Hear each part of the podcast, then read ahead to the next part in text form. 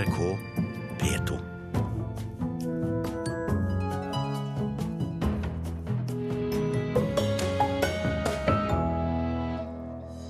Besøkende svikter Stenersen-museet. Sakte-TV er årets nyord, og revelyd er på topp ti-listen. Vigelandmuseet frykter for hvordan monolitten-suvenirer kan se ut når opphavsretten til Gustav Vigelands skulpturer går ut ved nyttår. Og dette er blant sakene i Kulturnytt. Her i Nyhetsmorgen i NRK med Ugo Fermariello i studio. Besøket på Stenersen-museet i Oslo har gått ned med hele 44% hittil i år, sammenlignet med samme periode i fjor. Museet bygger på kunstgaven fra samler Rolf Stenersen, og nå mener Stenersen-familien at museet kommer i skyggen av Edvard Munch. Hei, hei. Hei, hei Sten. Sten Stenersen jr. er sønnesønn av Rolf E. Stenersen, som donerte kunstsamlinga som er basen for Stenersen-museet, og han snakker på vegne av Stenersen-familien. Museet har siden 2010 vært under Munch-etaten, og har nå felles budsjett med Munch-museet. Og familien mener de lave besøkstallene er en konsekvens av at Stenersen havner i skuggen av Munch. Nei, Vi føler det, det at uh, Stenersen-museet, i og med at det er ett budsjett, så blir Stenersen-museet nedprioritert. Uh, det er liksom ikke noe vilje uh, eller ånd fra politisk sett til å øke budsjettet for å få utstillingsbudsjettet Stendersen opp på et nivå som det burde være forsvarlig å kunne drive. Med foreløpig besøkstall nede i 9392 ligger de langt bak målsettinga til Oslo kommune på 25 000 besøkende. Stenersen jr. tror ikke besøkstallene blir noe bedre framover. De kommer til å være lave. Eh, vi skal ha en utstilling nå med Sverre Bjertnæs Korn, som jeg tror kommer til å, å ha hyggelig besøkstall utover de andre utstillingene som på en måte ikke er helt fastsatt, eh, tror jeg tallene blir lave pga. at man ikke har noe budsjett eller noe vilje til å satse på Stenersen-museet. På Stenersen-museet i Vika i Oslo er det én besøkende da Kulturnytt er innom. Det er kunstner Sverre Bjertnæs, som åpner utstilling der over nyttår. Det er en utstilling jeg har jobba med over lang tid, og som er veldig omfattende. Det er kanskje den største utstillingen jeg har hatt sånn sett, så jeg håper det blir noe folk har lyst til å se. Bjertnæs syns det er noe spesielt ved å stille ut nettopp her. Det har jo en sånn, Jeg syns det er veldig stas å stille ut her. Det er en fantastisk historie med Stenersen og en av de store mesenene og oppdagerne av kunst. Og ikke bare av Munch, men også en, en hel par generasjoner senere. da. På rådhuset tror kulturbyråd Halsten Bjerke først og fremst at åpninga av Astrup Fearnley er grunnen til nedgangen. Jeg er ikke i tvil om at det er en direkte årsak til utviklingen ved Stensmuseet er eh, Astrup Fearnley-museet. Astrup Fearnley-museet er et fantastisk flott museum. Eh, men når man ser at over natten synker publikumstallene med 30% den dagen Astrup åpner, så er det jo ikke tvil om at det er en del av årsakssammenhengen. Men syns du ikke at eh, Stenersen-museet forsvinner litt i Munch-avdelingen? Eh, I jubileumsåret Munch 150 så er det vanskelig å ikke forsvinne litt. Det tror jeg alle museer i Oslo har gjort, i skyggen av den enorme suksessen Munch 150-utstillingen har hatt.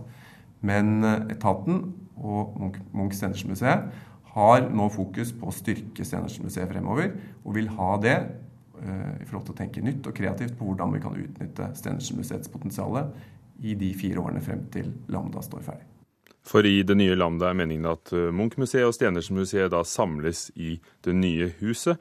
Det var kulturbyrådet i Oslo, Halstein Bjerke fra Venstre. Vi hørte reporter Kristin Forland. Kunstkritiker her i NRK, Mona Pale Bjerke. Hvorfor har besøket gått ned på dette museet, tror du? Jeg tror nok man er inne på noen ganske plausible forklaringer her i reportasjen. At det handler om eh, Munch-jubileet, som har tatt stor plass i media, og også den, flun den flunkende nye, fremdeles med nyhetsinteresse, Astrup Fearnley-museet. Men i tillegg så har de jo nå i uh, ganske nylig mistet en av sine nøkler nøkkelkuratorer, da Selene Wendt, som har vært en stor inspirator, en drivkraft i museet. Og jeg tror nok kanskje vi også ser litt, eh, litt eh, resultatet av det, da, det, det, fraværet hennes. For hun har jo virkelig vært en av de som har kommet opp med fantastiske ideer til utstilling, utstillinger her. Stenersen-museet er jo tuftet på gaven fra Rolf Stenersen, kunstsamleren, som han ga til Vestre Aker kommune i 1936. Så ble det Oslo kommune, og det tok mange tiår før de fant noen egnede lokaler, og de er ikke prangende. Det er noen kjelleretasjer eh, borte ved en garasje hvor du under Konserthuset i Oslo, for de som ikke har vært der. Eh, I tillegg til maleriene fra Stenersens samling, hva slags museum er det blitt? Altså, det er jo blitt et, en, en, levende arena for samtidskunst, egentlig dette her, hvor denne samlingen nok har kommet litt i og spilt litt andrefiolin i, i mange år. Um, det, men de har jo allikevel klart å gjøre seg til et veldig spennende arena for samtidskunst da, de, de, siste årene, og, og, har klart å markere seg nettopp som det. Og derfor så er det jo, har de skapt seg en berettigelse som det museet de da har blitt, som kanskje var et litt annet museum enn det som det kanskje var planlagt som. Men det er ikke tvil om at de kanskje kunne jobbe litt mer med å løfte frem oss også denne store gaven som danner utgangspunktet for museet. Men, men hva er problemet nå, slik du ser det? Hvor står de? Altså, Det er et sammensatt problem, helt klart. Men jeg tror at eh, et stort problem for Stenersen-museet er at de har en dysfunksjonell nettside. Det er aldri bra hvis man vil ha folk til å komme. For det er jo sånn at den eh, nettsiden, der får du kanskje litt informasjon om hva som skjer i øyeblikket, men det er helt umulig å finne ut hva som skjer, hver er neste utstilling. Og meg, for meg som kritiker så har jeg jo sluttet helt å bruke den nettsiden og rett og slett ringer eller sender mail. Og det er ganske slitsomt, og man kan ikke vente at folk tar seg det bryet. Da går man heller videre til neste institusjon. Og, og, men, men, om dette kan være forklaringen på denne akutte nedgangen, det er vel heller tvilsomt. fordi dette er et problem de har hatt så lenge jeg kan huske. Men nå er i hvert fall tiden kommet, når de ser så radikal nedgang. Nå må de gripe fatt i dette kommunikasjonsproblemet som de har, og gjøre noe med denne nettsiden. Og Det er jo da det forente Munch- og Stenersen-museet som må gjøre det. Men når besøkstallet synker eh, En forklaring er at eh, dette skjedde når Astrup Fearnley åpnet dørene i det nye museet ikke så langt unna. Men, eh, men hva er din? Er det også fordi Mm, er det det de produserer? Kan det være det? Nei, jeg syns i hvert fall inntil nylig så har jo dette vært et museum som har skapt veldig sterke utstillinger, og som har eh, virkelig vært et museum å regne med. Så det vil jeg ikke si. Og med en ganske liten fagstab og med begrensede ressurser, så har de fått utrolig mye ut av det. Så vi kan jo egentlig snu litt på det og si at eh, egentlig er det ganske imponerende hvor mye besøkende de tidligere har trukket med den eh, dysfunksjonelle nettsiden og med det de begrensede ressursene. For det har jo vært et museum med, med et ganske bra besøk. da. Hvis vi tenker på, for vi sammenligner hele tiden med Munch-museet, og det er jo nokså urettferdig. De som besitter da denne kjempeattraksjonen Edvard Munch selv, eh, de, de, har jo i perioder også hatt lavt besøktall. Mens Stenersmuseet har jo da ikke sant? Så dette går i bølger, og de har vært, klart seg ganske bra tidligere. Hvilken skjebne venter du for dette museet når det slår seg sammen i et hus med Munch-museet rent fysisk? Altså Det kan slå begge veier. Dels så kan det hende de forsvinner helt, og det er, frykter jeg veldig, for dette er et viktig museum. Men dels så kan det jo hende at de da får mer besøk i kraft av Munch, og at noen vil da også, etter å ha vært og sett Munch, legge veien innom Stenersen-museet. Så det får vi håpe, at vi får bevare dette viktige museet. Takk skal du ha, kritiker Mona Pale Bjerke.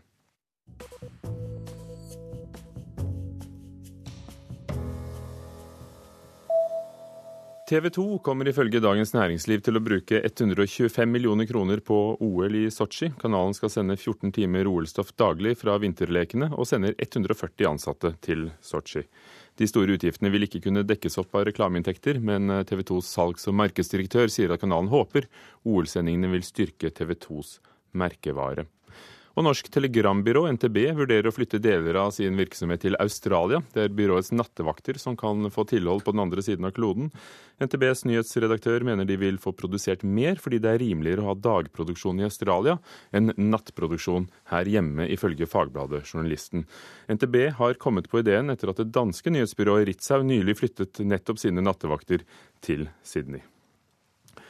Og vi tar med at den britiske irskfødte skuespilleren Peter O'Toole døde i går, 81 år gammel. O'Toole er selvfølgelig mest kjent for hovedrollen i Lawrence of Arabia fra 1962, som kom ut for noen år siden i nyrestaurert utgave. Og han ble nominert til Oscar i alt åtte ganger, og fikk æres-Oscar i 2003. Også en annen stor skuespillerinne gikk bort i går, britisk-amerikanske Joan Fontaine. Hun spilte i mange Hitchcock-klassikere, bl.a. Rebekka og Mistanke. Og for sistnevnte fikk hun også en Oscar for beste kvinnelige hovedrolle i 1941. Joan Fontaine ble 96 år gammel.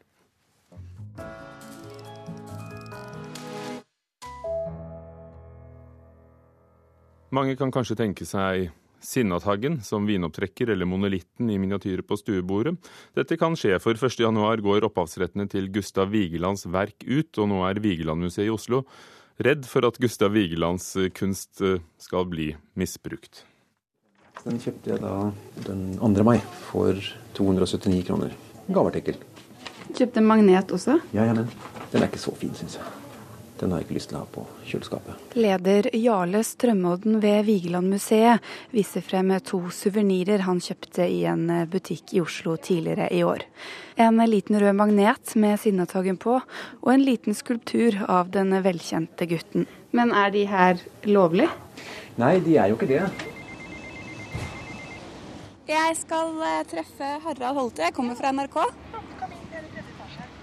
Organisasjonen Bono jobber med tillatelse til bruk av norsk kunst. Den som skaper et åndsverk, enten det er tekst, musikk eller kunstverk, har såkalt opphavsrett til verket. Denne retten er ment å sikre kunstneren betaling og kontroll med hvordan verkene blir brukt, sier daglig leder Harald Holter i Bono. Det betyr at andre som ønsker å bruke verket, reprodusere det eller gjøre det tilgjengelig for allmennheten, de trenger på en måte hans samtykke til det. Og så vil han ha krav på penger eller vederlag for at andre bruker verkene hans. Og denne retten gjelder også når han er død, inntil 70 år etter utløpet av dødsåret hans. Ved årsskiftet går opphavsretten til en av Norges mest kjente skulptører og billedhuggere, Gustav Vigeland, ut. Og faren for ulovlig utnyttelse til kommersielle formål øker. Slik vi f.eks. har sett med Edvard Munchs 'Skrik', sier museumsleder Jarle Strømodden. Vigelands samtidige, Edvard Munch, og, og som eksempel 'Skrik', som har vært eh, utført i veldig mange ulike former og fasonger altså oppblåsbar eh, skrikdukke. Som, som, jeg vil si jo, den er morsom, men samtidig så er det jo en veldig klar forvrengning av uh, verkets uh, idé. Man kan jo tenke seg monolitten i ulike former og fasonger til mer intim bruk. Det er også litt på siden av hva som opprinnelig var tenkt. Nå som opphavsretten går ut, kan jeg bestemme meg for å lage masse sinnatagner og selge de på en suvenirbutikk i Oslo? I prinsippet så, så, ligger det jo en mulighet for deg å kunne gjøre det. Men uh, dette er jo finjus i aller høyeste grad. Det er avhengig av hvordan kopien av kunstverket blir utført. For det skal bl.a. ikke oppfattes som støtende overfor som opprinnelig hadde uh, opphavsretten. Museet har nå satt i gang et arbeid hvor de har søkt om varemerkeregistrering for skulpturene Sinnataggen, Monolitten og noen andre av Vigelands arbeider. Vi har ingenting imot bruk. Vi har i den tiden med opphavsrett vært mer bekymret for misbruk. Men det er klart at vi har en grunn til å være litt mer offensive uh, i vår si, forvaltning av uh, disse kunstverkene. Det sa Jarle Strømodden ved Vigelandmuseet til reporter Anette Holt Hansen. Klokken nærmer seg 16 minutter over åtte. Du hører på Nyhetsmorgen i NRK med følgende overskrifter i dag. Havarikommisjonen skal i dag undersøke de to bussene som var involvert i dødsulykker i Oslo i helgen. Michelle Bachelet er valgt til ny president i Chile. 2013 blir et rekordår for norsk laks, både i utlandet og i matbutikkene i Norge. Og senere i Kulturnytt anmelder vi en bildebok om skilsmisse, som vår kritiker sier er både dramatisk og modig. Noen nye ord er døgnfluer, andre slår rot i språket, og helt på topp på nyordlisten i år er sakte-TV. Kanskje som en motreaksjon på hverdagslivets stress. Og de begynte på Bergensbanen minutt for minutt. Fra Nordsjøen, langs fjord og vatn til fjells. Opp på hvite vidder, nedover daler og fram til sjøen igjen. Reisa er målet. Bli med på ei av verdens vakreste og mest varierte togreiser. Nei, altså dette må jeg uh, få god og lang og sakte tid til å uh, tenke på og fordøye. Programsjef og idéutvikler Rune Møklebust i NRK regnes som sakte-TV-ets far og idéleverandør til suksesser som Hurtigruten Minutt for minutt, Nasjonal vedkveld og Nasjonal strikkekveld. Å havne helt på topp blant nyordene var en uventet glede. Det å lage nye ord oppi alt dette her er jo òg eh, altså det var ikke planen, men det er jo kjempegøy. Ordet sakte-TV, eller på engelsk slow TV, er også blitt en solid eksportartikkel, forteller Ole Hedemann, som har presentert NRK-ideen for utenlandske TV-selskaper. Ja, Det er kult. Det er det første nye norske ordet i verden siden slalåm, kanskje. Eller et eller annet sånt, som jeg tror er et norsk ord. Jeg er ikke helt sikker, men uh, viking var før det igjen. det er ikke så mange av dem, så, så det syns jeg er stas. Men det har vel innarbeidet seg mer og mer som begrep, ikke bare i Norge, men til og med i verden. Uh, mange snakker jo om slow-TV nå ute i verden, så og tror du ikke at Television Business International i går kåret sakte-TV til det beste nye formatet i 2013? Slik høres det ut når du kjører en elbil, men pass opp så du ikke blir rammet av et av de andre nyordene, rekkeviddeangst, som oppstår når du er langt fra en ladestasjon for bilen din. Dette ordet er nummer to på listen som er laget av Språkrådet og nyordsforskeren Gisle Andersen ved Norges handelshøyskole. På tredjeplass ligger gråblogg. Det tar for seg livets grå og kjedelige sider, og er avlet av et annet nyord fra noen år tilbake, ordet rosablogg. Nyordslisten inneholder også ord som avfølge, altså det motsatte av å følge noen på sosiale medier. Men ordlisten slutter der den startet, i Bergen, med ordet revelyd. Det er hentet fra Ylvis-brødrenes musikkvideosuksess What the Fox Say.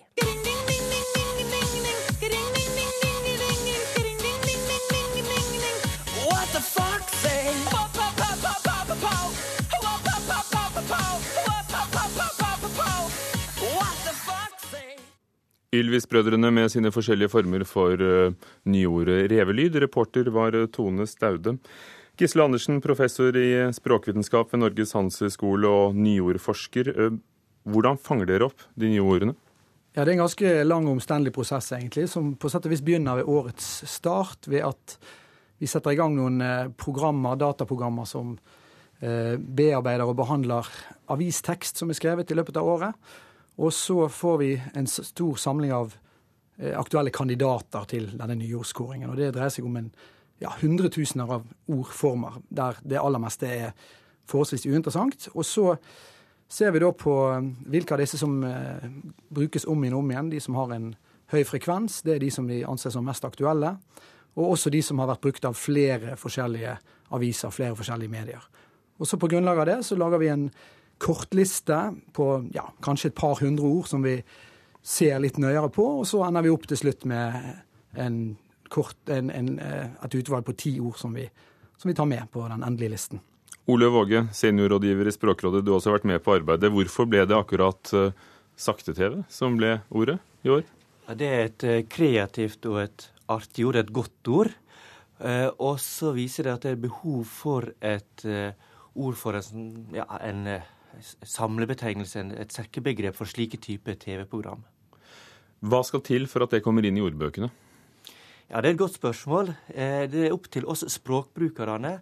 Hvis det, viser seg at folk bruker det ordet ja, i framtida, gjerne i skriftlige medier, så kan det hende at en ordbokredaksjon velger å legge det inn i en eller annen ordbok.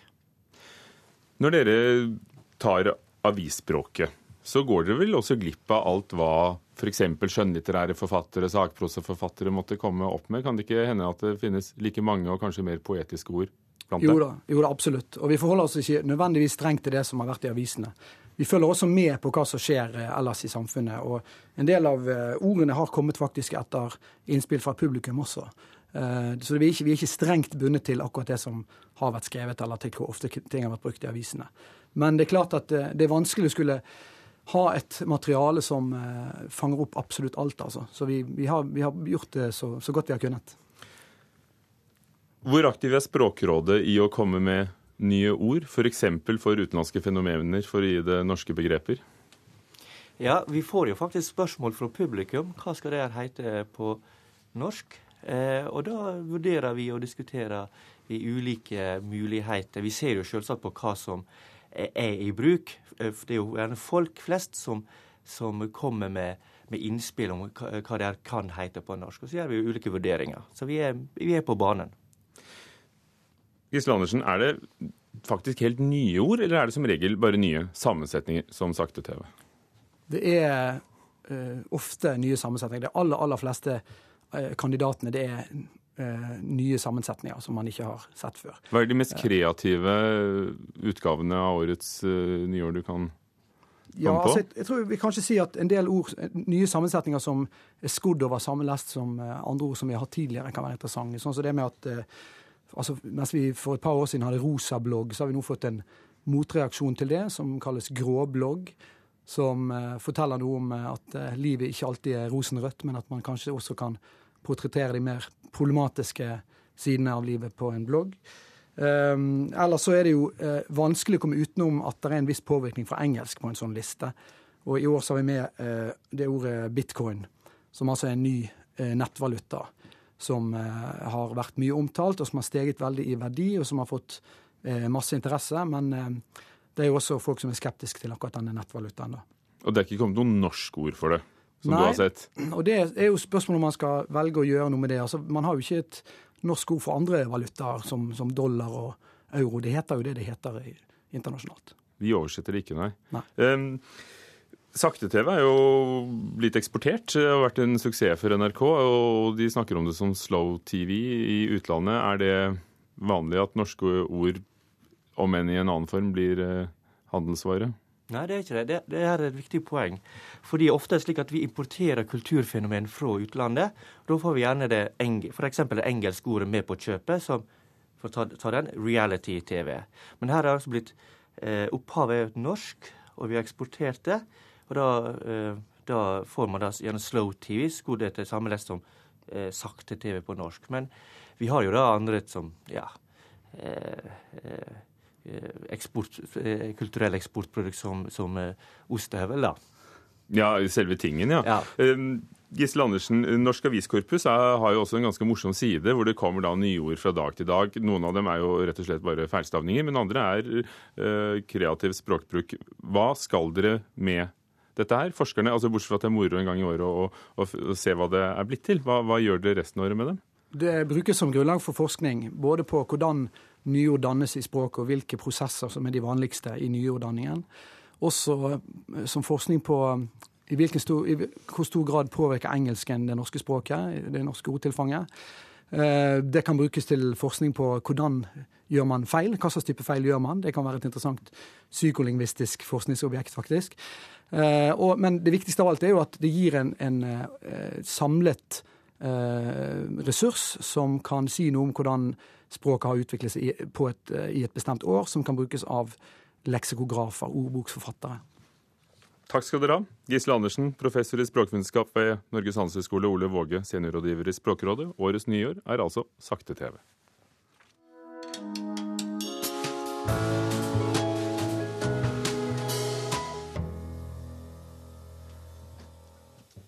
Sjelden har jeg lest en modigere bok om et barns møte med skilsmisse, sier vår anmelder om mor og datter Dales bildebok 'Krigen'. Med dramatiske illustrasjoner og et manende språk går de dypt inn i et ubehagelig tema, sier Anne Katrine Straume.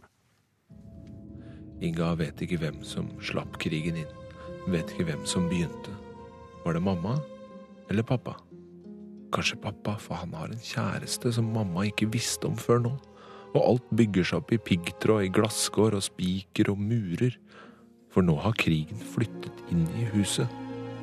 Ikke krigen Inga har sett på TV og i avisa, men en annen krig. Mamma og pappas krig. Slik høres det ut når livet til Inga og de to småbrødrene snus på hodet.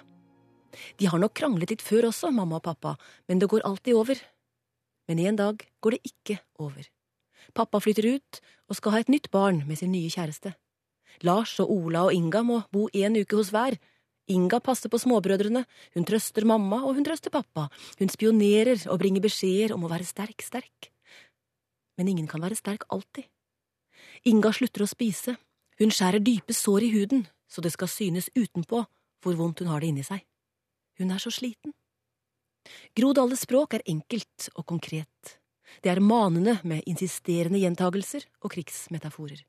Men det er datteren Kaja Dale Nyhus' illustrasjoner som gjør sterkest inntrykk. På rungende fargebakgrunn av lilla, oransje eller gult risses svarte skikkelser. Tårer avløser glasskår, avløser dødningeskaller, avløser et sort hull av sorg i Ingas mage. Det er Ingas følelser vi ser, Ingas smerte vi føler.